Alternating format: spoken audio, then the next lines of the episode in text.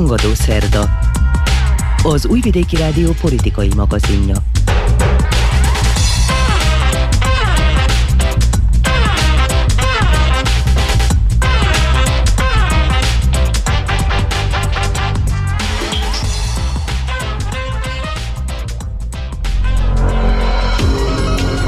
Vajdasági Rádió és Televízió.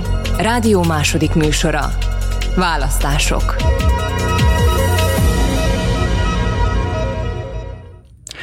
Köszöntöm az Újvidéki Rádió hallgatóit, és köszöntöm a stúdióban Pásztor Bálintot, a Vajdasági Magyar Szövetség megbízott elnökét, és a köztársasági parlamenti választásokon a pártlista vezetőjét is hozta, elnök úr. Jó napot kívánok, köszöntöm az Újvidéki Rádió hallgatóit. Idefelé jövet, az jutott eszembe, hogy sok-sok évvel ezelőtt, 1990-ben, amikor én voltam a parlamenti választásokon az akkor egyetlen vajdasági magyar párt, a történelmi VMDK jelöltje, és meghívtak bennünket a stúdióba, legyen szó tévéről, rádióról, az volt a világ legkínosabb feladata, ugyanis ez úgy nézett ki, hogy volt öt sztereotíp kérdés, ezeket a kérdéseket kutya kötelessége volt az újságírónak föltenni, másról nem beszélgethettünk, tehát kötetlen szóváltásról, vitáról, beszélgetésről nem eshetett szó, és nagyon unalmasak voltak ezek a beszélgetések. És én még 20 év múlva is, amikor a hangadó szerdát készítettem, akkor úgy vezettem föl ezeket a választási kampány beszélgetéseket, hogy most pedig közszolgálati kötelezettségünknek teszünk eleget. Hát azt előre bocsátom, hogy a mai beszélgetés előtt ilyen kötelező érvényű kérdéseket nem kaptam a főnökségtől, tehát kötetlenül beszélgethetünk mindarról, ami a vajdasági magyar hallgatókat érdekli itt és most a választások előtt. Kezdjük egy időszerűséggel. Tegnap bő nyolc év után Szabadkáról elindult az első vonat Szegedre, Szegedről Szabadkára, amely személyeket szállított, mert a teher szállítás eddig is folyamatban volt. Én már hallottam szabadkai, kanizsai barátaimtól, hogy ennek óriási a jelentősége, nagyon várják. Közösségi szempontból miért fontos az, hogy beindult ez a Szeged-Szabadka közötti vasúti közlekedés? Azt mondta Lázár János miniszter úr tegnap Óbecsén az egész napos programnak a végén a lakossági fórumon a beszédében, hogy azon dolgozunk mi közösen, hogy összenőjön az, ami összetartozik. A Szeged-Szabadka vasútvonal pontosan ennek az egyik legjobb bizonyítéka, összenőtt, ami összetartozik. Nem normális az, hogy Szegedről Szabadkára, vagy Szabadkáról Szegedre nem lehet gyorsan, kényelmesen, biztonságosan, kiszámítható módon eljutni, és az elmúlt években ez volt a helyzet, hiszen 2015-től nem működött a vasúti közlekedés, a személyszállítás Szeged és Szabadka között, volt olyan időszak, amikor busz se járt a két város között, aztán ezt sikerült visszaállítanunk nem éppen olyan menetrenddel, mint amit mi szerettünk volna, de legalább volt valami. Most viszont, ami tegnaptól van, az teljes mértékben kielégíti a, az utazóközönségnek az elvárásait. Természetesen semmit nem szeretnék idealizálni, és mindig lehetne több, meg, meg jobb, de az, hogy napi öt vonat jár Szeged és Szabadka között, az, hogy már hajnalban el lehet jutni az egyik városból a másikba, és a másik városból az egyikbe, az, hogy az ingázók el tudnak jutni munkába vonattal, az, hogy el lehet menni ügyet intézni, az, hogy el lehet menni bevásárolni, vagy akár el lehet menni valamilyen művelődési programra, akár Szabadkára, akár Szegedre, hiszen mi sokat dolgozunk annak érdekében, hogy Szabadkának is olyan vonzó idegenforgalmi és művelődési kínálata legyen, ami akár a szegediek számára is megfelelő kikapcsolódási lehetőséget jelent, és este vissza lehessen menni a másik városba ezeket a programokat követően. Ezek olyan célkitűzések, amelyek a, a normális 21. századi életnek az alapfeltételei, és ezeket az alapfeltételeket biztosítottuk a tegnapi nappal, és ha hozzáfűzzük azt, hogy néhány héttel ezelőtt mindösszesen Először egy, aztán két pár vonatról szóltak a hírek, és ezt sikerült öt pár vonatra fölvinni, és gyakorlatilag elérni azt, hogy hajnaltól késő estig három-négy óránként legalább járjon a, a vonat. Azt gondolom, hogy ez egy hatalmas siker, és ehhez mindenképpen szükség volt arra, hogy november 10-én fogadjon Orbán Viktor miniszterelnök úr Budapesten, és akkor én mondtam a miniszterelnöknek, hogy én tisztában vagyok azzal, hogy egy vasúti menetrend az nem éppen egy miniszterelnöki szint, és nem túl jó, hogy én őt ezzel terhelem, de mivel én a vajdasági magyar közösséget képviselem, és az az én feladatom és dolgom, hogy azokat az ügyeket szóba hozzam, amelyek a közösség mindennapjait pozitív értelemben befolyásolhatják, ezért én ezt mégiscsak szóba hoznám, és kérném tőle azt, hogy legyen a segítségünkre ez ügyben. Azt mondta, hogy hogy ne természetesen, néhány napra rábeszéltem Lázár Jánossal, ezzel párhuzamosan a szerbiai oldalon is intéztük ezeket az ügyeket, hiszen mindkét oldalon rendben kell lennie annak érdekében, hogy jó legyen, és november 28-án elindult a vonat olyan menetrenddel, amit megbeszéltünk. Emlékszem rá, nem is a régen történelmi eseményként éltük meg, amikor Belgrád és Újvidék között beindult a gyors vasút, nagyon gyakori járatokkal, és akkor jött az örökös szkeptikus ellenzék, és mondták, hogy hát bizony majd meglátjuk néhány nap után, hogy ezek a vonatok üresen közlekednek-e, ezek a járatok, vagy pedig megtelnek, megteltek a mai napig. El lehet mondani, hogy eznek a kihasználtsága kiváló. Végeztek-e valamiféle fölmérést, mire számítanak, milyenek az első nap után a tapasztalatok, mi várható itt Szabadkai Szeged között?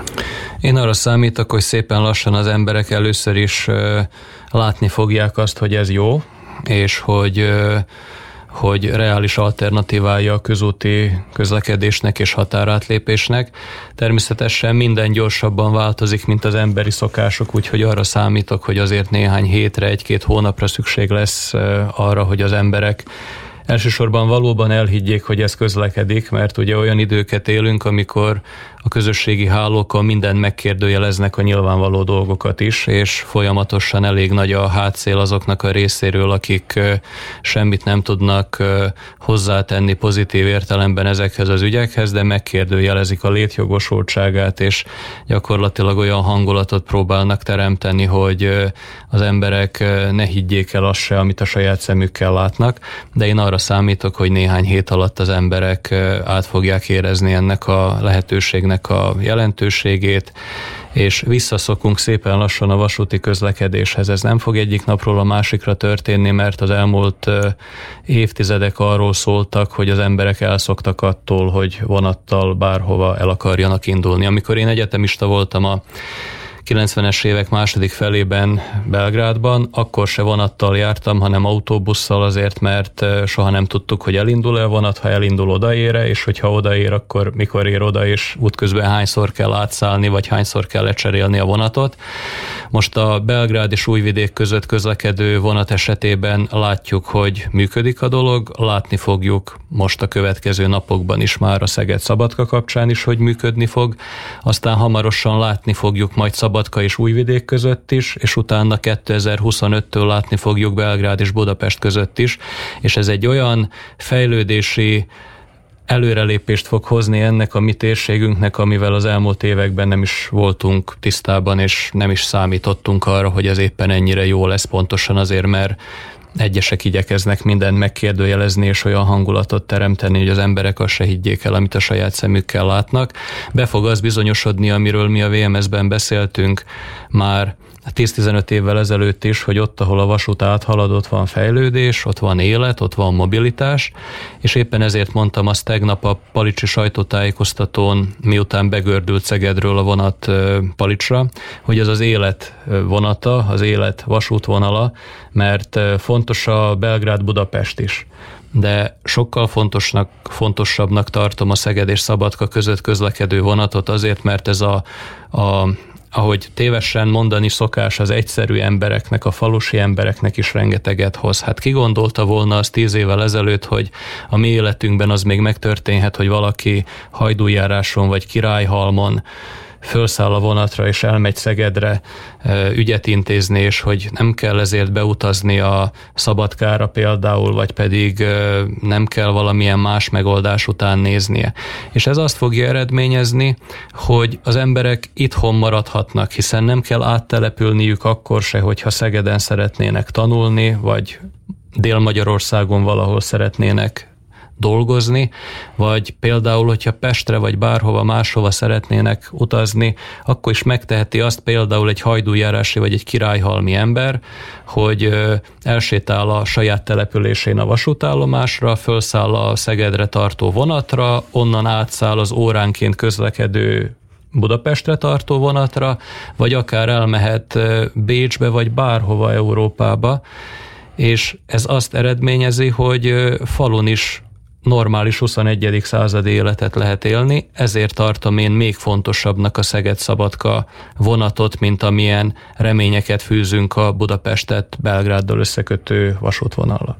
Nagyon fontos üzenet volt a magyar kormányzat részéről a Vajdasági Magyar Szövetség és a Vajdasági Magyarság irányába, hogy alig voltunk túl édesapja szép emlékű Pásztor István temetésén. Orbán Viktor miniszterelnök egy-két napra ráfogadta önt. Itt most hallottuk, hogy miről beszélgettek a vasút fejlesztés ügyében. Engem azonban érdekelne az is, amit eddig nem mondott el erről a találkozóról. Gondolom, hogy távlati célokat is megfogalmaztak. A prosperitátit azt tudjuk, a múlt héten itt járt Magyar Levente, a magyar kormány külügyminiszter helyettese. Miről volt szó még? Nem volt egyszerű, mert én még a Karmelita Kolostorban nem jártam egyáltalán. Apám volt az, aki, Pásztor István volt az, aki, aki, aki természetszerűleg a miniszterelnökkel tartotta a kapcsolatot, és időről időre találkoztak, és megbeszélték azokat az ügyeket, amelyek a nemzetrészünk szempontjából fontosak.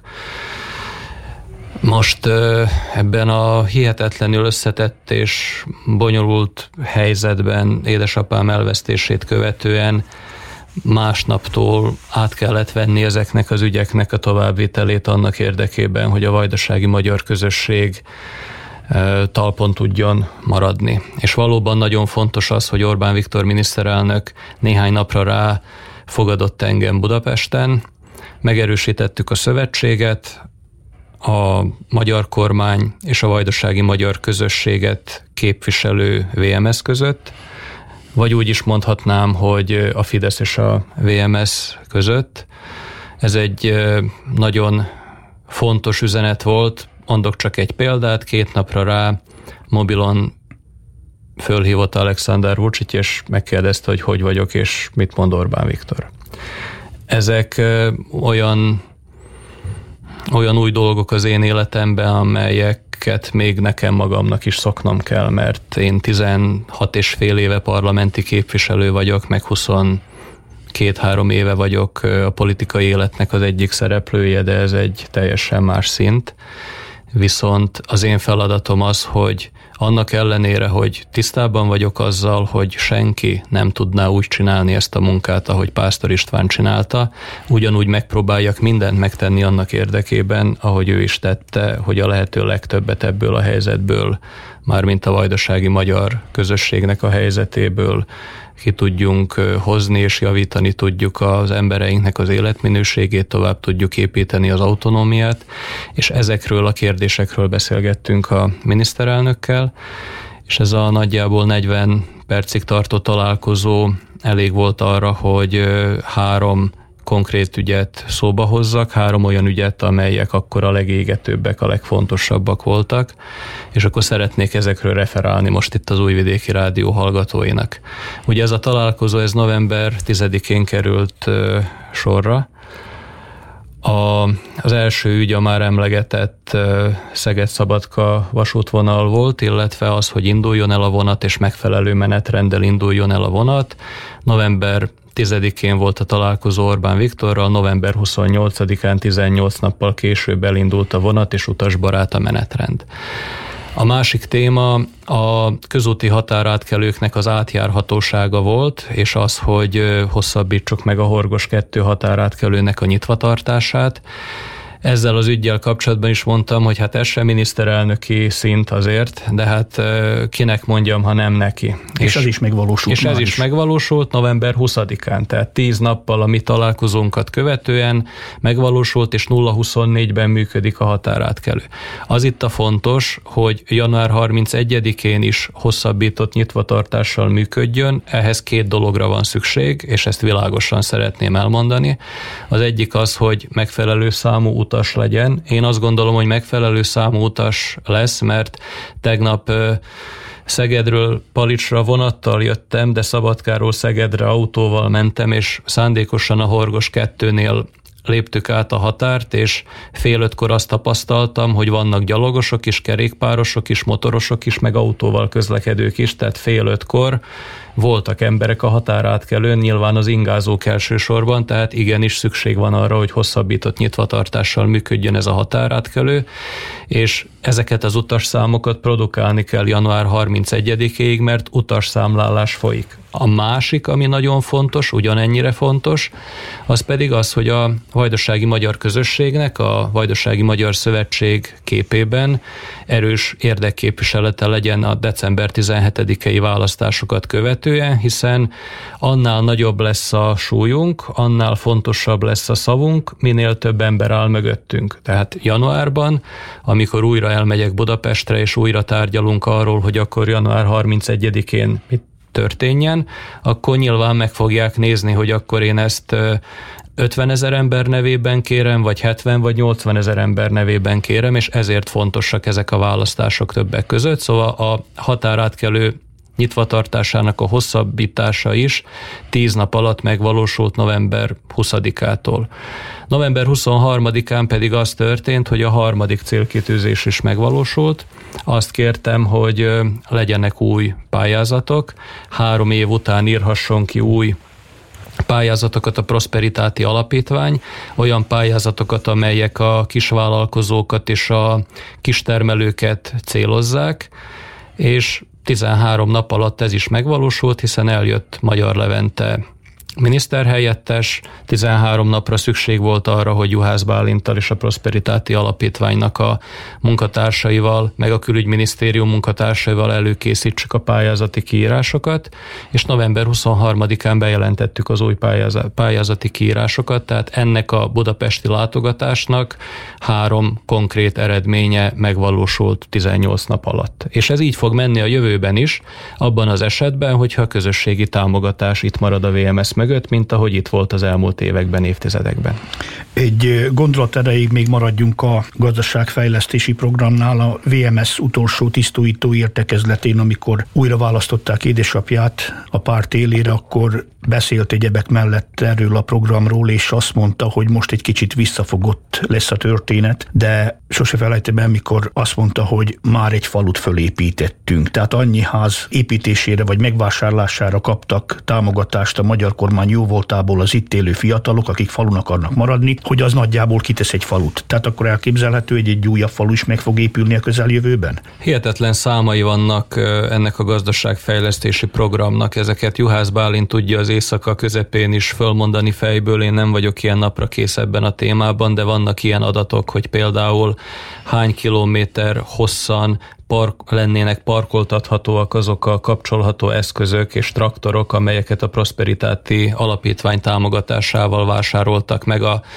vajdasági magyar gazdák 2016-tól erre felé. A másik adat erre vonatkozik, amit szerkesztő úr említett, hogy hány házat sikerült megvásárolni a különböző falvakban, Gombostól űrményházáig, vagy pedig szerémségtől kezdve Nagy Kikindán át, nem tudom én, Sándor egyházáig, tehát egész vajdaság területén. Ugyanez elmondható a földvásárlási pályázat kapcsán, hogy rengeteg termőföldet sikerült megvásárolni ennek a lehetőségrendszernek köszönhetően. Nagyon sokan tudtak itthon maradni annak következtében, hogy kezdővállalkozást tudtak indítani. És hát ezeket a legtömegesebb, legszélesebb körű támogatásokat szeretnénk most folytatni első lépésben, ami nem azt jelenti, hogy nem lesz földvásárlás a jövőben, nem azt jelenti, hogy nem lesz kezdővállalkozók számára kért támogatási rendszer a jövőben. Abban maradtunk Orbán Viktor miniszterelnökkel, hogy most olyan pályázati lehetőségek legyenek első lépésben, amelyek a kisvállalkozókat és a kistermelőket célozzák meg, tehát egészen konkrétan válaszolva az ön kérdésére, a jelenlegi valamennyivel több mint 14 ezer sikeres pályázat mellé még ezer új sikeres pályázót föl tudunk majd vonultatni nagy valószínűség szerint ennek a pályázati körnek a végén, aztán pedig folytatni fogjuk. Az elmúlt években közbeszólt a Covid, közbeszólt az orosz-ukrán háború, közbeszólt az annak következtében egész Európában létrejövő gazdasági válság, de mivel Magyarország is kezd ebből kilábalni, most volt lehetőség arra, hogy ezeket a pályázatokat meghirdessük, és ez a vajdasági magyar közösségnek, meg a Kárpát-pedencei magyarságnak az egyik legsikeresebb lehetőségrendszere, amely úgy kezdődött, ezt nem lehet elégszer elmondani, hogy édesapám Pásztor István kidolgoztatta a vajdasági gazdaság fejlesztési tervet, bekopogtatott Orbán Viktor ajtaján, letette az asztalra ezt az elképzelésrendszert, arra kérve a miniszterelnököt, hogy a magyar kormány rendeljen forrásokat ehhez, és ez így történt, és ahogy mondani szokás, a többi már történelem, mert a többi azt eredményezte, hogy 250 millió eurónyi támogatás érkezett ide a gazdákhoz, a családokhoz, a cégekhez, amihez még 250 millió eurót hozzátettek a gazdák, a vállalkozók és a családok, tehát elképesztően nagy összeget sikerült megmozdítani annak érdekében, hogy a vajdasági magyar közösség tagjai boldogulhassanak a jövőben is a szülőföldünkön. Kedves hallgatóink, az Újvidéki Rádió Hangadó Szerda című műsorát hallgatják. Vendégünk dr. Pásztor Bálint, a Vajdasági Magyar Szövetség megbízott elnöke és köztársasági parlamenti listavezetője. Itt az elnök úr már utalt rá, hogy mi a tétje a mostani választásoknak, tehát hogy ezek a projektumok, a nemzetépítés, hogy folytatódhasson, ahhoz az kell, hogy a Vajdasági Magyar Szövetség megkapja hozzá a megfelelő támogatást, hogy a képviselői ott lehessenek mind a tartományi, mind a köztársasági parlamentben. De igazából valahogy úgy látjuk, újságírók is, hétköznapi emberek is, hogy most már jó lenne, hogyha egyhama nem tartanának választást, hogyha kibírná ez a most következő kormánykoalíció a négy évet, hiszen hát ez a mostani, ez tavaly tavasz óta gyakorlatilag bő másfél évet élt. Milyen erre a kilátás, hogy látja? Sőt, hogyha jelenleg még hivatalában levő köztársasági kormány mandátumát vizsgáljuk, akkor ö, megállapítható az, hogy mindösszesen egy évig volt teljes kapacitással hivatalában, hiszen tavaly október 26-án alapján alakult meg a szerbiai kormány, az idén pedig november 1-én, ha jól emlékszem, kiírásra kerültek a választások, tehát mindösszesen egy évről beszélhetünk. Természetesen ez nem tesz jót senkinek. Én szoktam mondani a lakossági fórumokon is, hogyha a hallgatók emlékeznek még erre a nagyjából 20-25 évvel ezelőtti filmre, hollywoodi filmre, aminek az a címe, hogy az 51. randi, ami úgy, vagy aminek az a lényege, hogy ugye egy szerelmi történet, és a hölgynek van valamilyen betegsége, aminek következtében csak, az arra, csak arra a napra terjed ki a memóriája, és másnap előről kell mindent kezdeni. Hát így van ez sajnos Szerbiában, a belpolitikában, hogy mivel évente, két évente vannak választások és cserélődnek a miniszterek, mindig előről, nulláról kell kezdeni mindent. És amikor megkérdezik az emberek, hogy vajon miért tart 5 meg 10 meg 15 évig kiharcolni valamilyen eredménynek a megvalósítását, hát többek között, vagy elsősorban ez az oka. Tehát most, hogyha például végig gondoljuk azt, hogy az elmúlt 16 évben, amióta én magam is parlamenti képviselő vagyok, hány mezőgazdasági minisztere volt az országnak, hát ember legyen a talpán, meg szakértő legyen a talpán, aki a felét föl tudna ezeknek a minisztereket, minisztereknek a nevét sorolni, és mindegyiknél mindig előről kellett kezdeni a vízlecsapolási illeték elleni küzdelmet, és azt, hogy elmagyarázzuk, hogy ez igazságtalan, és meg kell szüntetni, vagy a mezőgazdasági termelők nyugdíjbiztosítási járulékának a Előbb kérdését. Már megvalósították részben, most várjuk az új évet, hogy teljesen eltöröljék. Így van, tehát a vízlecsapolási illetéket eltörölte a szerbiai parlament 50%-ban, ami az idei évre vonatkozik, és január 1-től teljes egészében. Ez nagyjából 15 év politikai küzdelmünkbe tellett. A rossz hír az, hogy eddig tartott, a jó hír az, hogy sikerrel jártunk, a másik jó hír pedig az, hogy a VMS politikusai kitartóak és álhatatosak, és nem adják föl, és ugyanez meg fog valósulni, meglátják majd a termelők a nyugdíjbiztosítási járulékra vonatkozóan is, hogy a megvalósított bevételekkel és a megművelt földterület nagyságával arányban fizessék ezt a jelen pillanatban elképesztően nagy terhet a, a gazdák,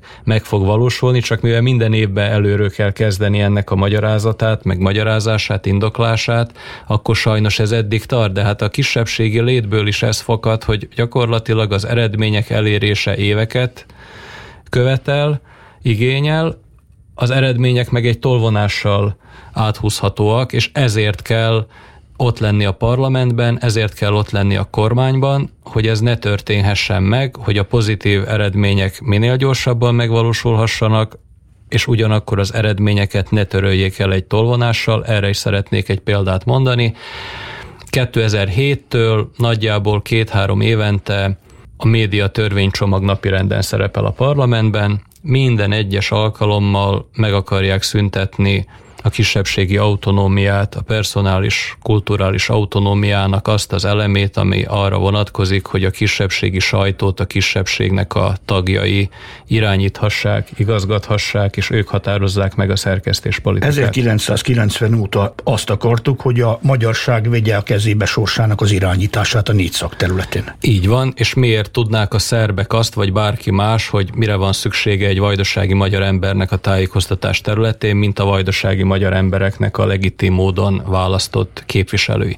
Ennek ellenére közel harcot kell két-három évente vívni annak érdekében, hogy ez így maradjon, és az első alkalommal, amikor a magyarság meggyengül, az első alkalommal, amikor kikerül a parlamentből, akkor ezt a tervet végrehajtanák. És ugyanez elmondható még számos más példa kapcsán is, ahogy az infrastruktúrális beruházások kapcsán is. Hát kérdem én, kinek lenne fontos a Szeged-Szabadka vasútvonal, ha nem a vajdasági magyaroknak?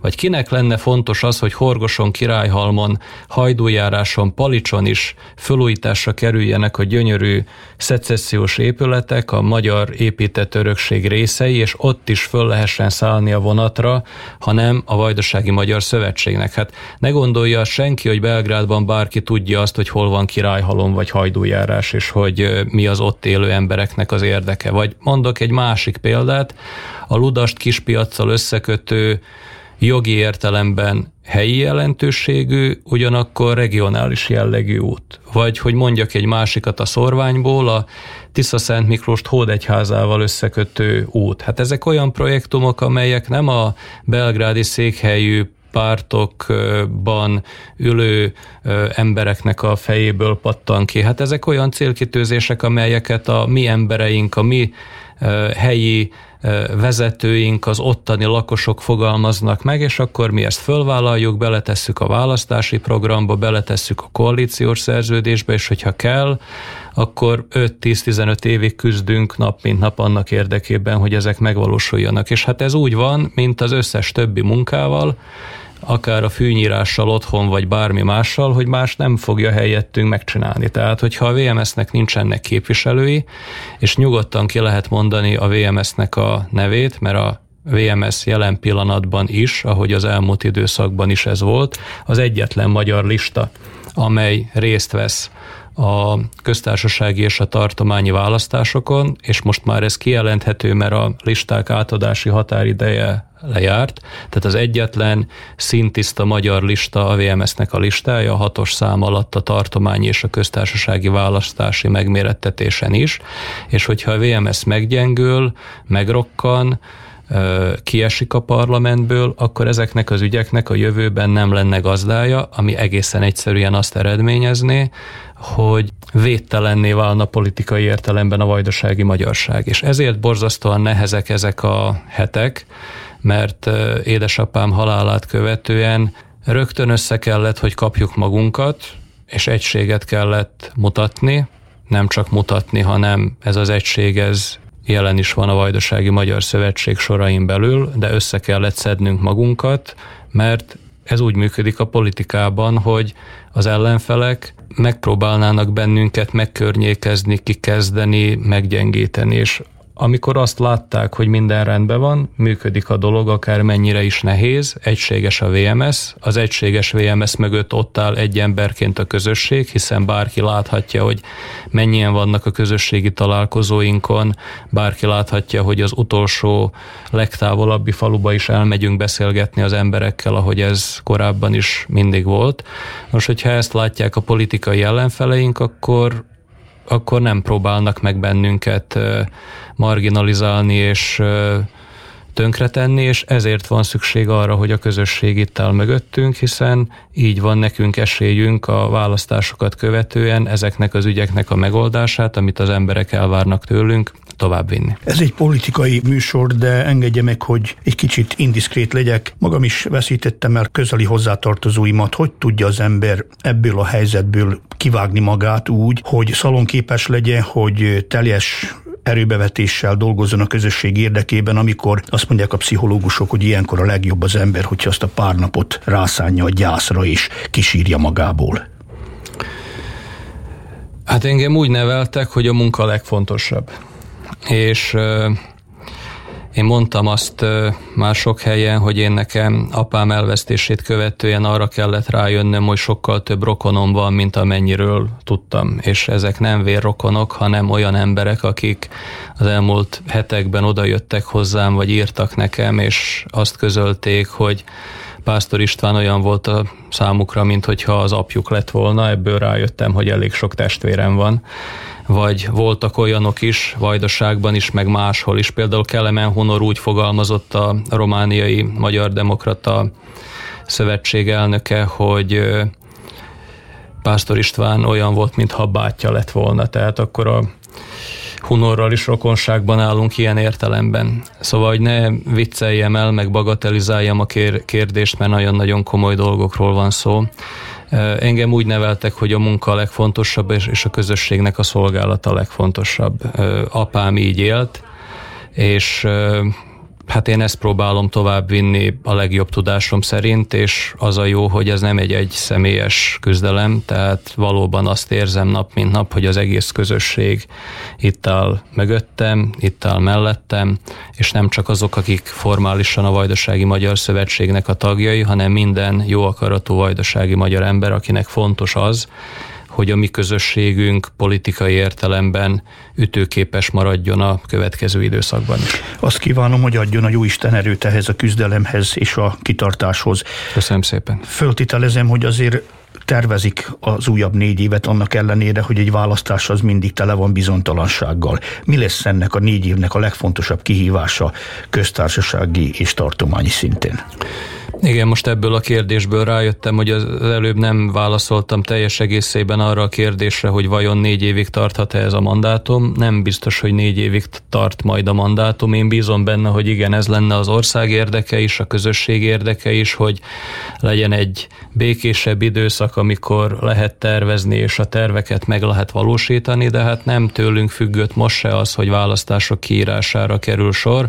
Látni kell azt, hogy a szerbiai belpolitikában ez egy hatalomgyakorlási metódus, hogy sakban tartják az embereket, és évente, két évente választások vannak. Mi a VMS-ben ezt nem tartjuk jó megoldásnak, de amikor ez úgy van, mint a fociban, amikor mérkőzés van, akkor részt kell azon venni, mert hogyha mi azt mondjuk, hogy nem értünk egyet azzal, hogy választások vannak, és nem futunk ki a pályára, akkor 0-3-ra zöld asztalnál elveszítenénk, és azt is szoktam mondani, hogy Remélem, hogy a vajdasági magyar közösség soha nem fogja azt megtudni, hogy milyen lenne akár csak fél év magyar erős politikai érdekképviselet nélkül a köztársasági vagy a tartományi parlamentben egy olyan helyzetben, amilyenben például a felvidéki magyarok vannak lévén, hogy a szövetség ott nem jutott be most már sokadik alkalommal sajnos a szlovákiai parlamentbe. Úgyhogy mi arra készülünk, hogy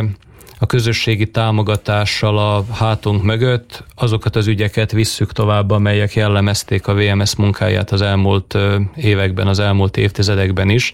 Ez azt jelenti, hogy nem valamiféle elrugaszkodott, elvont célkitűzéseket fogunk megfogalmazni, hanem az embereknek a, a napi gyakorlati problémáit igyekszünk megoldani. Mint amelyekről beszéltünk a határnyitás kapcsán, a vonat kapcsán, a pályázatok kapcsán. Ugyanígy nagyon fontos az, és ezt is tudniuk kell, főleg a szorványban élő hallgatóknak, hogy mi elértük azt, hogy öt fővel lehet osztályt nyitni és ez most már stabilan évek óta így van. Én nem tartom jónak azt, hogy ilyen a helyzet, hogy öt fővel vagyunk kénytelenek osztályt nyitni, sőt, gyakran azt is el tudjuk érni, hogy hárommal. De ennek az lenne az alternatívája, hogy ezek a kisgyerekek, ezek nem magyarként nőjenek föl, és ezért mindent elkövetünk azért, hogy mindenhol, ahol arra igény van, magyar nyelvű oktatás működhessen a jövőben is. És annak ellenére, hogy a törvényben az szerepel, hogy 15 fő a minimum, és akkor most gondolkodjunk el Kárpát-medencei összehasonlításban, hogy vajon Romániában, hogyha azt írja a törvényben, hogy 15 fő a minimum, akkor megengednék-e azt, hogy 5 fővel nyissanak osztályt, vagy Szlovákiában. Mi elértük azt, hogy 5 fővel is lehet nyitni osztályt, de ehhez az szükséges, hogy mi ott legyünk, és ebben a konkrét esetben a Magyar Nemzeti Tanács, meg az oktatási államtitkárunk minden egyes tagozatról számot vezetve kikönyökölje azt, hogy igenis megnyíljanak ezek a, ezek a tagozatok. Tehát a, a kisebbségi politizálás így a a VMS-nek a parlamenti képviselőinek a munkája is gyakorlatilag a veszélyelhárításról szól folyamatosan. Arról szól, hogy bármikor bármilyen törvényjavaslat bejön a parlamentbe, akkor megvizsgáljuk, hogy az veszélyt jelente a közösségre nézve, van-e benne olyasmi, ami, ami ö, autonómiánkat, azt, hogy a szülőföldünkön otthon érezhessük magunkat, hátráltatja vagy sem. Ha ilyet találunk, akkor rögtön elkezdünk tárgyalni, módosító indítványt nyújtunk be. Ezen kívül meg az a mi feladatunk, hogy garantáljuk az embereknek a biztonságát. Az a feladatunk, hogy a, a helyi embereknek teljesen függetlenül attól, hogy űrményházán, Zentán, Szabadkán vagy Gomboson élnek, az infrastruktúrális fejlesztési elképzeléseiket, ha megfogalmazzák őket, akkor támogassuk, illetve a megvalósulásukat támogassuk.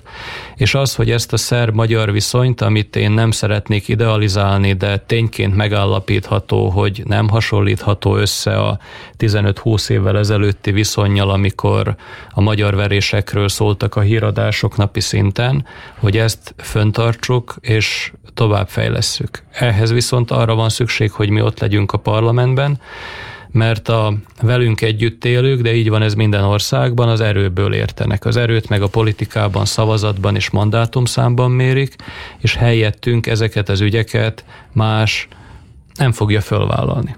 Úgyhogy körülbelül így foglalható össze. Én tudom, hogy ez nem túlságosan stratégiai jellegű, de a kisebbségi politizálásnak ez a velejárója, hogy oda kell figyelni, és azonnal reagálni kell, és amit megfogalmaznak az emberek terepen, azt föl kell vállalni, és tovább kell vinni.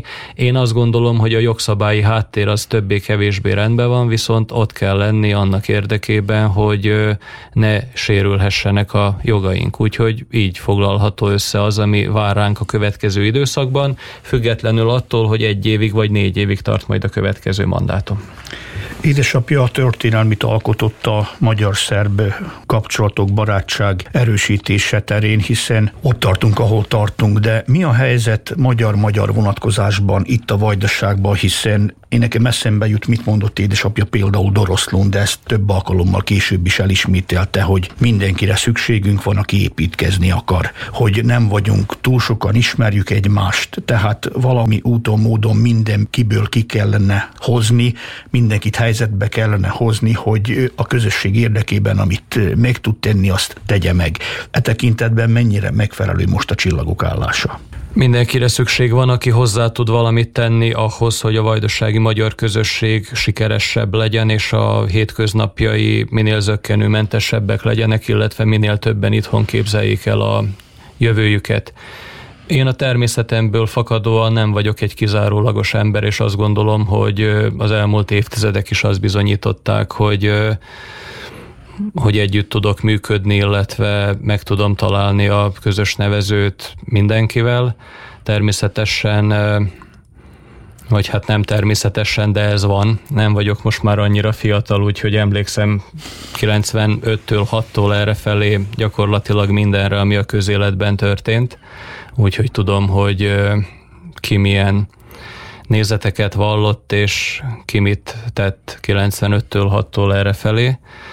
Vannak olyan dolgok, amiken egyszerűen nem lehet csak úgy áthaladni, mert ezzel azokat köpném szembe, akik sokat tettek az elmúlt évtizedekben is annak érdekében, hogy a vajdasági magyar közösség egy megbecsült politikai közösség legyen, és a VMS az országnak az egyik legszervezettebb pártja legyen ebben a pillanatban, amit bizonyított az aláírásgyűjtés is mindkét alkalommal, amikor az aláírásokat gyűjtöttük, és ezúton is szeretném megköszönni a hallgatóknak, hogy támogattak bennünket az aláírásukkal ezekben a, ezekben a nehéz időkben.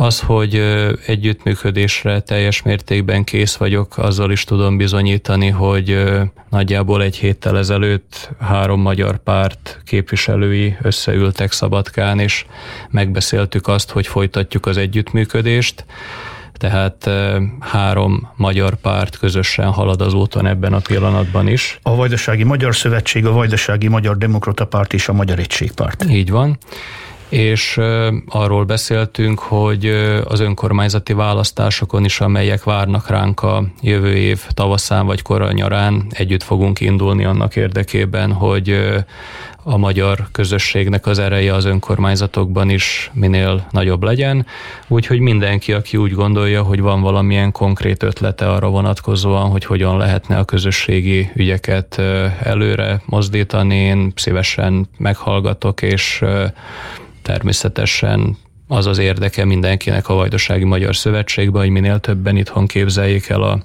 jövőjüket, és a mi politikai közösségünk minél megbecsültebb és erősebb legyen. Számos fontos dolgot említett, ami a magyar érdekvédelem szempontjából húsba vágó. Hogy látja itt és most történelmileg, mi a magyar érdekvédelem legesleg fontosabb feladata? Az, hogy talpon maradjunk, egységesek maradjunk, erőt mutassunk, remélhetőleg a következő három-négy évre vonatkozóan országos és tartományi szinten világossá tegyük azt a belpolitikában és a Kárpát-medencében is, hogy a vajdasági magyar közösség nem védtelen, a vajdasági magyar közösség jól szervezett, a vajdasági magyar közösségnek vannak olyan politikusai, és úgy egyáltalán a közéletnek vannak olyan szereplői, akik konkrét elképzelésekkel rendelkeznek arra vonatkozóan, hogy mit kell tenni annak érdekében, hogy a következő években, évtizedekben is legyen magyar jövő Vajdaságban. Mit tesznek a következő egy-két, három, négy, öt, hat napban? Hova vezet az útja innen most a stúdióból? Ma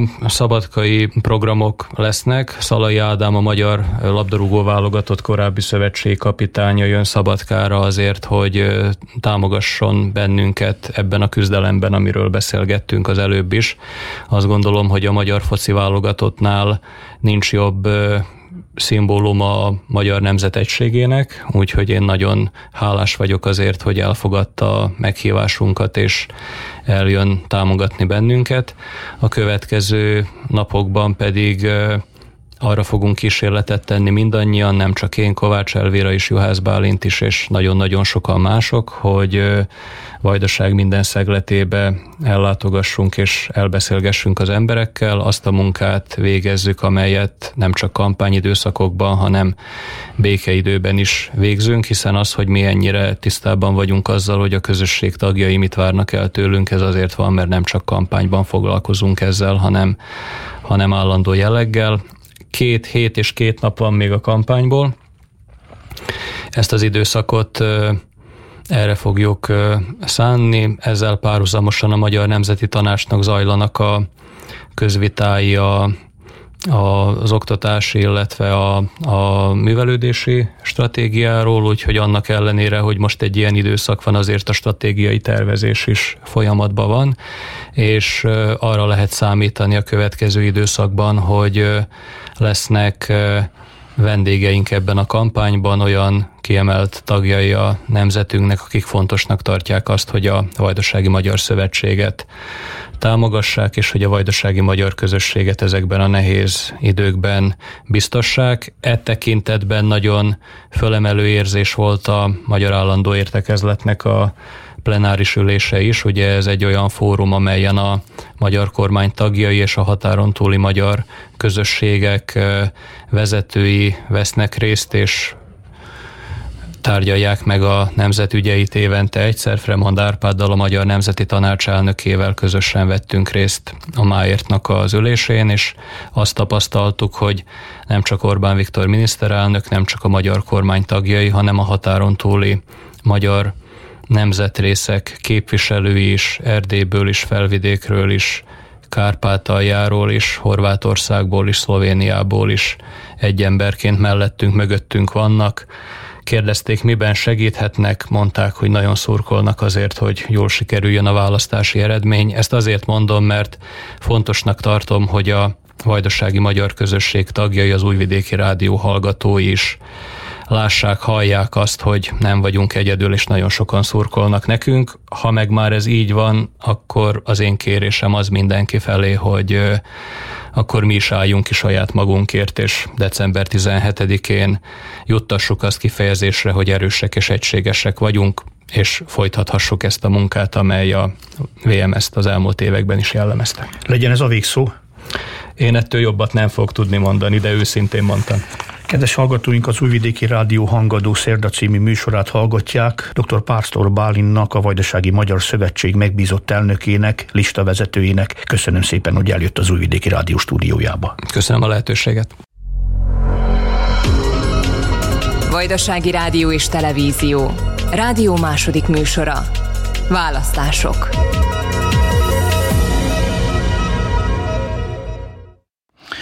Az Újvidéki Rádió Hangadó Szerda című politikai magazin műsorát hallgatják, én Ternovács István vagyok. Lejárt a decemberi választáson indulni kívánok listállítási határideje, így a hatósági elbírálásokat követően a végleges sorrend is kialakul. A szerbiai belpolitikában pedig emellett a térség biztonságát érintő témák voltak előtérben. Dani Zsolt belpolitikai összefoglalói következnek.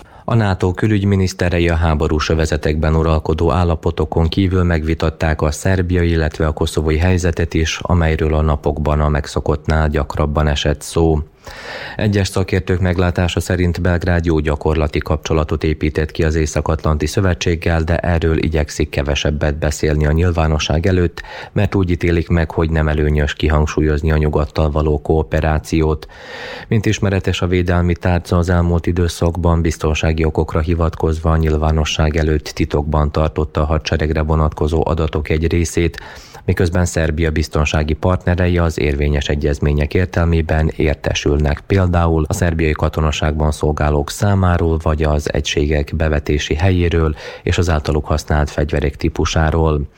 Védelmi elemzők szerint arról van szó, hogy az illetékesek meg szeretnék akadályozni a biztonsági szervezetek munkájának civilek részéről történő felülvizsgálását miközben az Európai Unió belgrádi küldöttsége üdvözölte és értékeli, hogy Szerbia erőforrásokat irányoz elő az uniós békemissziókban való részvételre, az európai sajtó kockázatként írt térségünkről. A német média szerint Szerbia északi részén egyre jobban szervezett illegális csoportok végzik a migránsok csempészését az unió területére, amiről a berlini vezetés küldöttsége is megbizonyosodhatott. Továbbra is időszerű a térségbeli hírszerzés és diplomáciai háború témája is, annak ellenére, hogy Szerbiában az elmúlt években valóban sor került kémkedési botrányokra, a témában jártas elemzők nem értettek egyet az állam azon állításával, miszerint fővárosunk a régióbeli hírszerzési tevékenység központja lenne. Külföldi jellemzők a Szerbia által kémkedéssel vádolt horvát diplomata kiutasítása, majd Zágráb válasza is csak a jelenlegi választási kampány céljait szolgálja.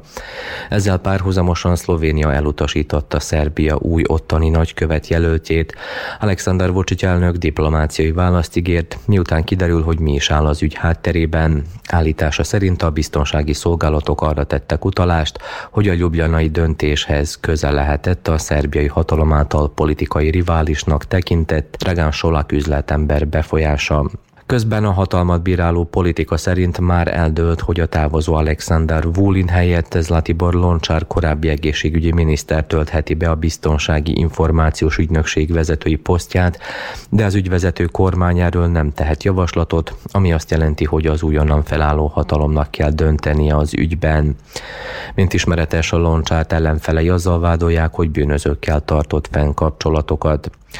A kormány a postai dolgozókkal, illetve a mezőgazdasági termelőkkel való részleges egyezményét követően veszíteni látott lendületéből a korábban más ágazatokból is jelentkező szervezetek aktivizmusa, amelyek úgy szintén munkabeszüntetéseket és felvonulásokat helyeztek kilátásba, majd lemondták ezeket. Az illetékesek és a termelők egyelőre bizonyos részletkérdésekben foglalnak még más álláspontot, de jelenleg úgy látszik, hogy az ügyvezető kabinet nagy vonalakban kezelni tudta az elégedetlenségi hullámot. A következő reagálási gócpontot a közvállalatokra vonatkozó adatok megjelenése képezheti, hiszen az országos távközlési vállalat eurómilliókkal adós a villanygazdaságnak, és az agresszív terjeszkedési kampány ellenére infrastruktúrájának egyes részeit külföldi befektetőknek készül eladni. A vállalat vezetése közölte, a villanygazdasággal megállapodást kötöttek az adósság részletekben történő törlesztéséről. A nagy pénzügyi gondokkal küzdő villanygazdaságnak közben számos állami állami cég vagy intézmény adós még. A lista élén található 20 jogi személy 174 millió euróval adós az EPS-nek. A NATO tagállamok képviselői megvitatják a Koszovóban szolgáló békefenntartó erők számának állandó jellegű növelését, közölte Jens Stoltenberg a szervezet főtitkára. Stoltenberg arra emlékeztetett, hogy a közelmúltban történt incidensek következtében egyes tagországok összesen ezer további katonát küldtek Koszovóba, rövidesen pedig eldől, hogy mennyi ideig teljesítenek szolgálatot. A főtitkár kiemelte, hogy a NATO célja nem az, hogy folyamatosan csapatokat állomásoztasson Koszovóban, hanem hogy a megfelelő körülmények kialakítását követően kivonuljon a térségből. Ez viszont jelenleg túl nagy veszélyt teremtene, mondta. Jelenleg mintegy 5000 békefenntartó teljesít feladatot a KFOR kötelékében, a 24 éve létrehozott missziót másfél-két évtizede még 50 ezer katona alkotta, ám ezt azóta többször is újra szervezték és csökkentették a létszámot. Edirám Albán kormányfő is szkopjai látogatása során arra kérte Stoltenberget, hogy a szövetség növelje a Koszovóban szolgáló katonáinak számát. Miközben a koszovói helyzetet Miroslav Lajcsak uniós külön megbízott a román kormány képviselőivel vitatta meg, addig Szerbiában Stuart Peach brit nyugat-balkáni megbízott folytatott megbeszélést Milán Mojszilovics vezérkari főnökkel, illetve Alexander Vucic államfővel.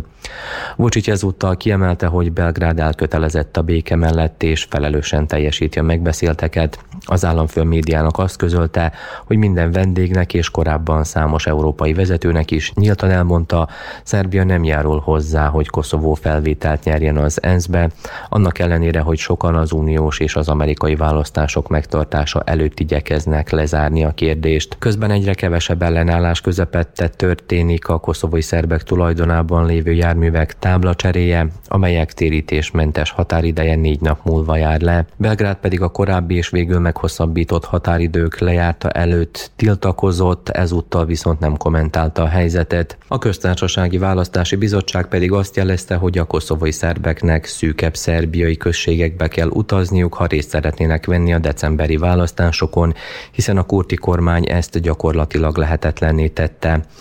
A testület egyes tagjai szerint a Koszovóban jelenlévő nemzetközi misszióktól kell kérni a voksolás lebonyolítását. Albin Kurti koszovai kormányfő pedig azt nyilatkozta, hogy Pristina kizárólag a szeptemberi incidens megelőzése miatt szorgalmazza a Szerbiával szembeni szankciók bevezetését. A Kurti vezette önrendelkezés párt egyes tagjai pedig azt üzenték Szerbiának, hogy mindenki, aki erőszakkal lép fel, úgy jár majd, mint a Bányszka kolostornál elfogott vagy lelőtt szerbek. Donika Gerval, a koszovai külügyminiszter pedig azt mondta, hogy a nyugat által megalkotott szerb autonómia javaslat szövege egyes helyeken kétértelmű, de nagyjából megfelelő, mert nem biztosít széles jogköröket.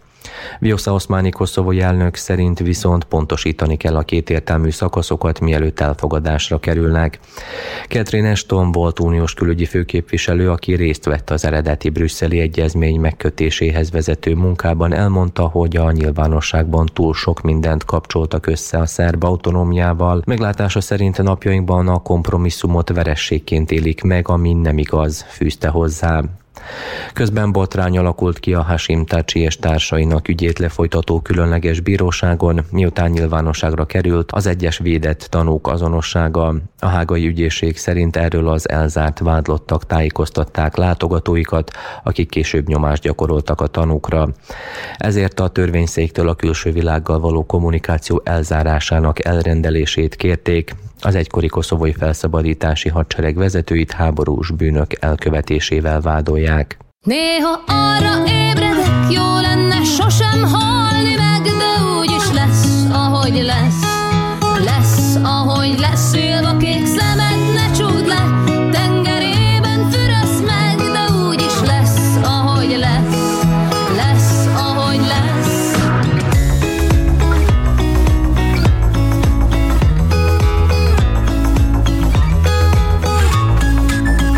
Megpihenni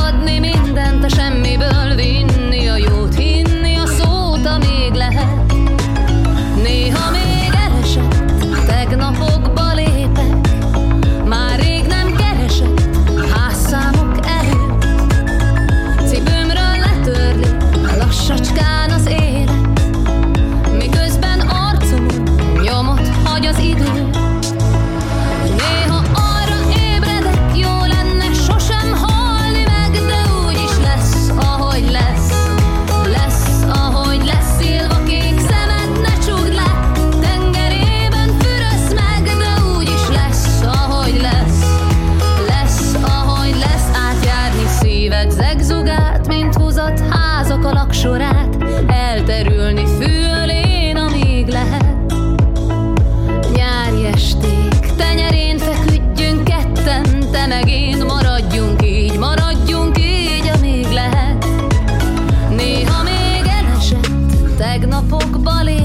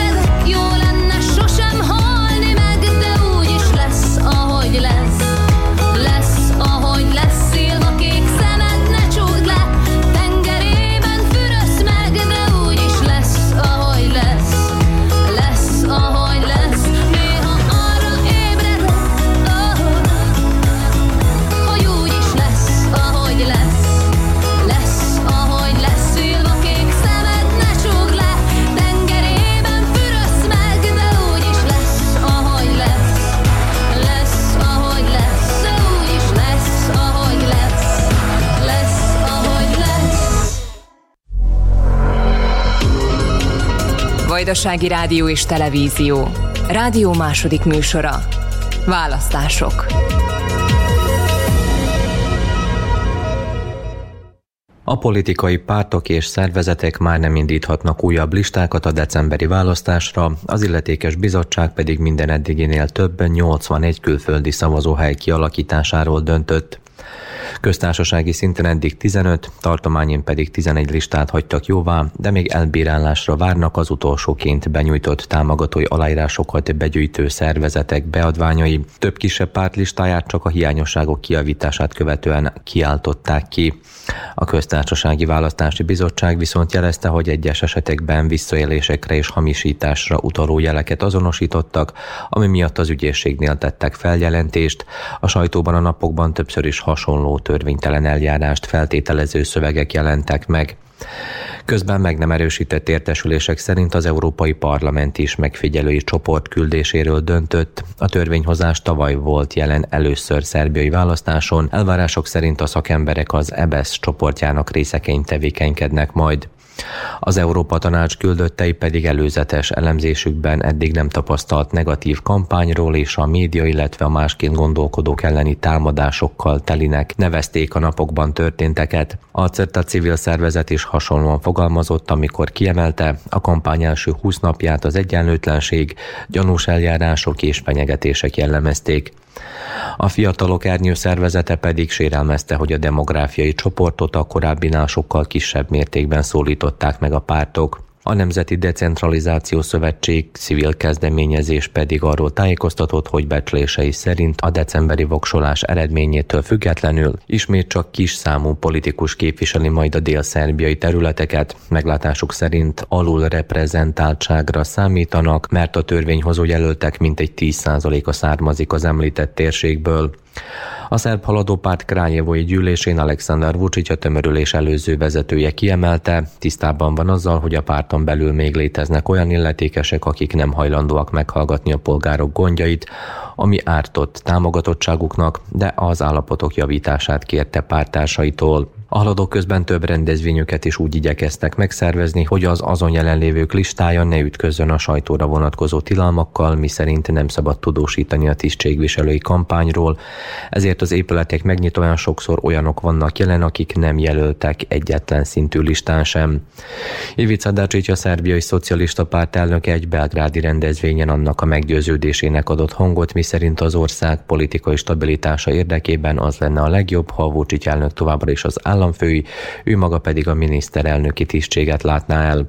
A politikus védelmezte Szlobodán Milosevic politikáját, akiről azt állította, hogy saját épségét kockáztatva védte az ország érdekeit. Az ellenzéki Szerbia az erőszak ellen lista Králjevóban azt üzente a polgároknak, hogy célja az ország filelemtől és az erőszaktól való megszabadítása. A koalíció szerint a választást követően egy egy évig szolgáló szakértői kormánynak kell felállnia, ami idő alatt megkezdődik a bűnözés felszámolása. Az ellenzékkel együttműködő indúj változtas civil szervezet pedig ország szerte választás ellenőr képzések megtartását jelentette be, amelyre több mint ezer párt küldött jelentkezett. A jobboldali Náda ellenzéki szövetség a Koszovóra vonatkozó német-francia tervezet sürgős elvetésére szólított fel, mert azzal a gyakorlatban elismerik Pristina függetlenségét. A lista kiemelte, a lehető legjobb kapcsolatok kiépítésére törekedne az Unióval, de nem támogatná a csatlakozást, ha az Koszovó elismerésétől függne. A szerb radikális párt is a koszovói kérdés rendezéséről szóló nyugati egyezmény elutasítását kérte, azaz minden olyan dokumentumét, amely bármilyen módon is Pristina függetlenségét említi. Ez, mint mondták, minden szerb morális kötelezettsége. Közben a hágai törvényszék utód szervezete ismét vádat emelt Vojislav Sesei pártvezető és három további tag ellen. A radikális párt önkényesnek nevezte azokat a vádiratokat, amelyek a nemzetközi büntetőmechanizmus megsértésére vonatkoznak. A Nemzeti Összejövetel lista performance hívta fel magára a közvélemény figyelmét, ugyanis Milica Gyurgyevics Stamenkovski az Ávetnici vezetője állítólag egy erdői úton lépett be Koszovó területére, miután Pristina számos alkalommal megtagadta számára a beutazást. A politikus szerint meg kell akadályozni, hogy a NATO beavatkozzon az itteni politikába, hiszen azt állította, hogy a szervezet főtitkára itteni látogatása során titokban Szerbia NATO tagságát sürgette. A koalíció részét képező Dvéri szerint Szerbia megsértette a katonai semlegességi politikáját, amikor a NATO-val való közös hadgyakorlatokról döntött. A vajdaságiak lista részét képező Vajdasági Szociáldemokrata Liga szerint az ország nemzeti kisebbségeinek számos esetben csak papíron léteznek jogai, ezért a helyzet javítását ígérték. Vajdasági Rádió és Televízió. Rádió második műsora. Választások.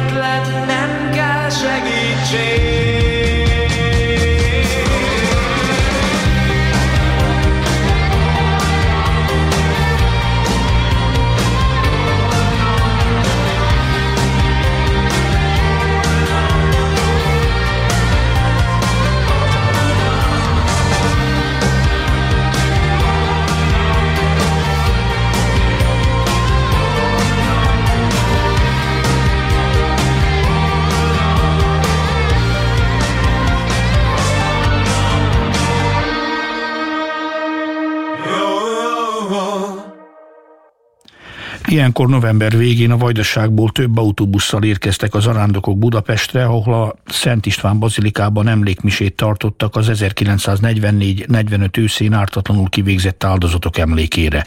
Ezúttal Kalocsán mutatták be ezt a szentmisét. Szabó Gabriella is a zarándokok között volt. A hétvégén tartották az 1944-45-ös ártatlan délvidéki áldozatok emlékére azt az emlékmisét, amit immár 23. alkalommal szervezett a Keskeny úton délvidéki tragédiánk alapítvány, illetve kuratóriumi elnöke Cseresnyésné Kis Magdolna. A rendezvény fővédnöke ezúttal is Schmidtné Makrai Katalin volt. Az eddig évek során Budapesten a Szent István Bazilikában tartották ezt az emlékmisét, ezúttal a mintegy 130 zarándok a Vajdaságból Kalocsára utazott. Itt Bábel Balázs, Kalocsa Kecskemét érseke celebrálta a Szentmisét, melynek végén Cseresnyésné Kis Magdolna röviden fölidézte az akkori eseményeket. A Szentmisét követően az arándokok megtekintették az Érseki Múzeumot, illetve az Érseki Könyvtárat. A következő összeállításban erről készítettem egy hangképes összefoglalót. Bábel Balázs, Kalocsa Kecskemét érseke. Ahogy beszélünk holokausztról, beszélünk gulágról, ugyanúgy erről a sajnálatos rémtettekről is kell tudni az embereknek. Talán nem olyan részletességgel, mint hogy a történészek tudnak, hanem arról, hogy sok ezer ember ártatlanul meghalt. Ez hozzátartozik a történelmi múltunkhoz. És hát mi itt a Szent Misében nem csak emlékezünk, hanem felajánlottuk érte, imádkozunk értük. Én korábban a bazilikában volt ez a megemlékező ünnepség. Kétszer voltam ott is, idejében szóltak, és akkor mondtam, akkor jöjjenek Kalocsára.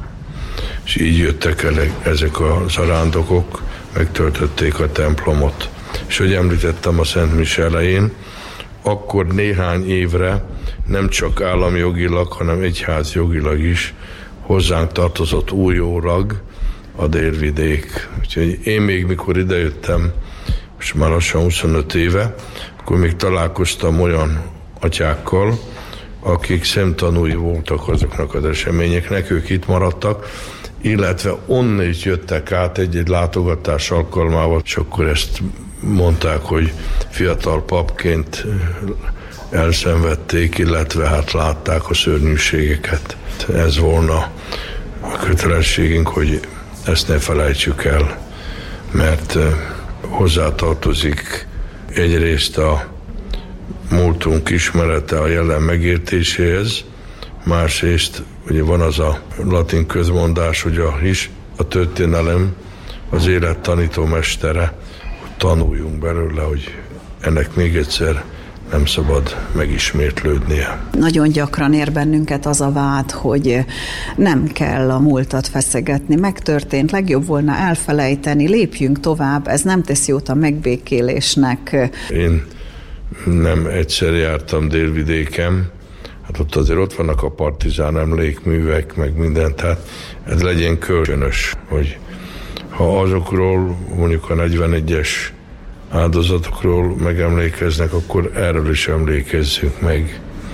Ez már ránk nem úgy hat, mint akkoron hatott a közvetlen hozzátartozókra.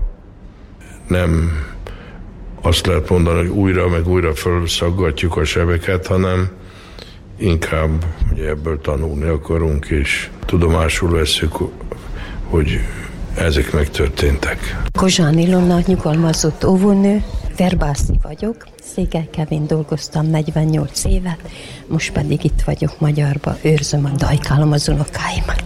De itt van a zarándokokkal Kalocsán, ahol a 44-es, 45-ös délvidéki áldozatokra emlékeztek. Ezúttal most Kalocsán mi az, ami köti ezekhez az eseményekhez? Megcsuklik a hangom, nem baj, mert nekem mind a két nagyapámat Everbászon egyiket agyonverték, a másiknak egy kicsit jobb szerencséje volt ebből a szempontból, mert csak lelőtték.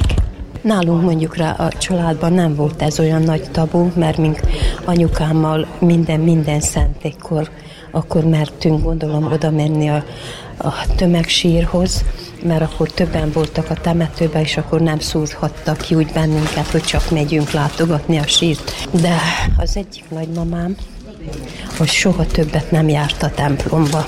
Kérdeztem még az unokatestvéreimet, az idősebbeket, hogy miért. Azt mondta, hogy ő majd a jó Istennel elszámol, hogy miért nem. A másik nagymamám, az meg mindig feketébe attól, ahogy megtörtént. Így november Hát hetedikén vitték el, ahogy hallottam, hogy most, mert nagyon sokat elvittek akkor, és kínozták őket a községháza pincéjébe, és hogy mikor vitték ki, vagy ne, azt nem tudjuk. Mindig, mikor volt disznóvágás, mert öten voltak anyukámi testvérek, mint 11 unoka, akkor, mikor disznóvágás volt, vagy pedig nagyapának a névnapja, mert Jánosnak hívták, akkor mindig elénekeltük az ő kedvenc nótáját. Mint kicsik is nem tudtuk, hogy mi, de megjegyeztük, mert volt neki valóban négy lóval, mert fuharos is volt, meg fődjük is volt neki, úgyhogy, mind, ahogy mondja az unokatestvérem, aki náluk lakott, hogy ők fiákérral mentek a templomba, és akkor ezt mind elvitték onnan, és akkor az unokatestvérem még él Németországban, az tíz éves volt, és azt mondja, hogy mikor elment a mert Vervászon olyan utcában laktunk, ahol szerbek is voltak, és elment egy ilyen barátnőihez, akkor már a házat kipakolták, Szerencsére, hogy a nagymamámnak a nevén volt, mert ő az édesapja ő neki vette meg, azért nem vették el a házunkat is, és azt mondja, ott látta meg a paplan húzattát, mert a nagynéném az sejemgyárba dolgozott, és akkor mikor voltak ilyen részlik, akkor azt elkapták a munkások, és akkor úgy varták meg több ilyen, hát ilyen táblába, és megismerte, hogy ki volt náluk terítve. És a fiatalok, az unokák, akik most még egészen fiatalok, ők gyerekek, egész kicsik, és itt is van az egyik. Mit tudnak ezekről az eseményekről, vagy hogy tekintenek rá? Nekik is ez fontos még, hogy őrizzék, tudjanak róla? Hát gondolom a fiamnak igen, Na most ő nekik nem magyarázzuk úgy áll, hanem így, hogyha hallanak meg, kérdezgetnek. Nem először már Budapesten is voltak velünk, így szerintem jobban bennük marad. Ha ők kérdeznek, mert érdekli őket, mint hogyha... És elhiszik azt, amit hallanak? Még nem annyira, még nem, hát kilenc éves nekik, hogy hihetetlen, mert sok mindenkinek hihetetlen, aki ezt, akinek elmesélem itt is. Becskei Tibor vagyok, a Vajdasági Magyar Demokrata Párt közötti elnöke, Bártopajánok és Kisegyesi Körzetnek. A délvidéki ártatlan áldozatokról emlékeztek meg Kalocsán, és hát itt van az arándokok között, hogy került ide. Ez egy régi mese, de szív, szívbe mászó, mert az egyik nagyon szívbeli kollégám, megbudó Kovács László által ismerkedtem meg ezekkel a a zarándoklati utakkal, és valójában itt éreztem rá, hogy mit jelent ez nekünk magyaroknak. A fiatalok körében mennyire lehet népszerűsíteni, vagy legalább fogékonynak, érzékenynek tenni őket az arra, hogy ne felejtsék el ezeket, amik 44-45-ben is megtörténtek? Kellene róla sokat beszélni köreikbe, megpróbálni nekik elmagyarázni az igazságot, mert ugye tudjuk, hogy a szocializmus alatt és a partizánok ideje alatt a régi Jugoszláviában erre nem volt lehetőség. Most úgy néz ki, hogy megnyílnak előttünk az utak, jó volna a fiatalokat felvilágosítani, hogy tanulják és mélyedjenek -e ebben a történelmi időkben, amikor sajnos a magyarok azok nagyon lettek verve, különbözőképpen meg lettek hurcolva. Mi legkevesebb, amit tehetünk, hogy megemlékezünk rájuk, és a tiszteletüket rójuk le, irántuk, hogy ekkora áldozatot hoztak, értünk.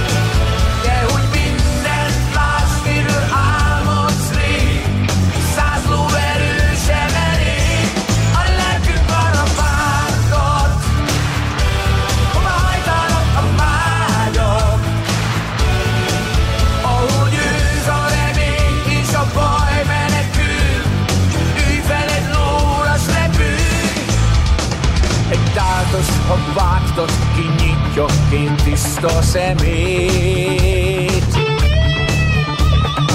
Orrában érzik a szabadság bűze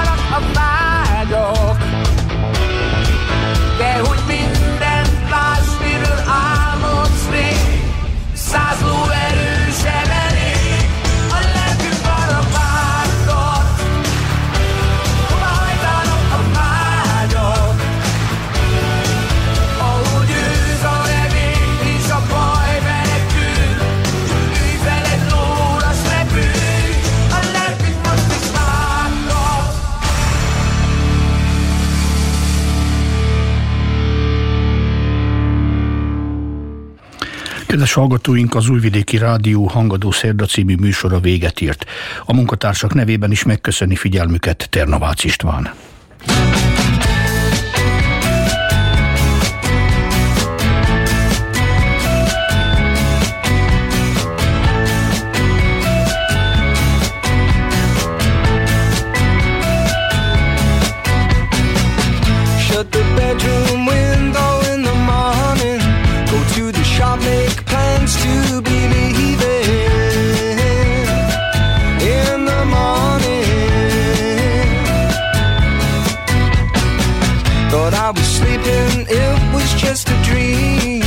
canali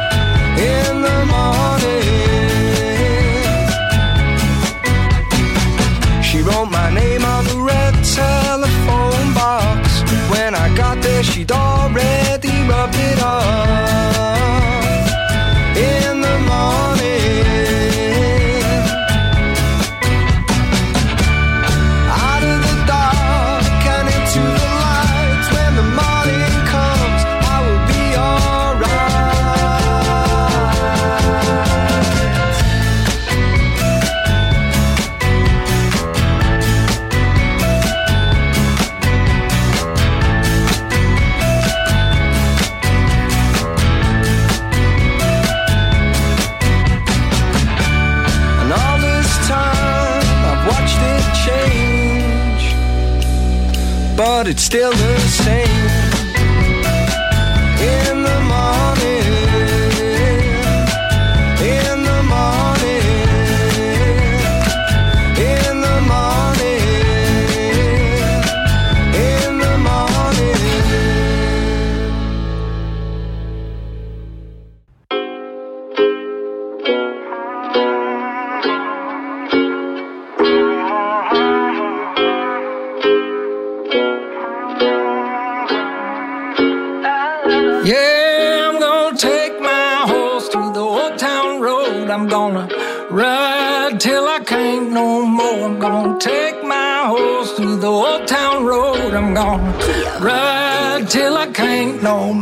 Got the horses in the back.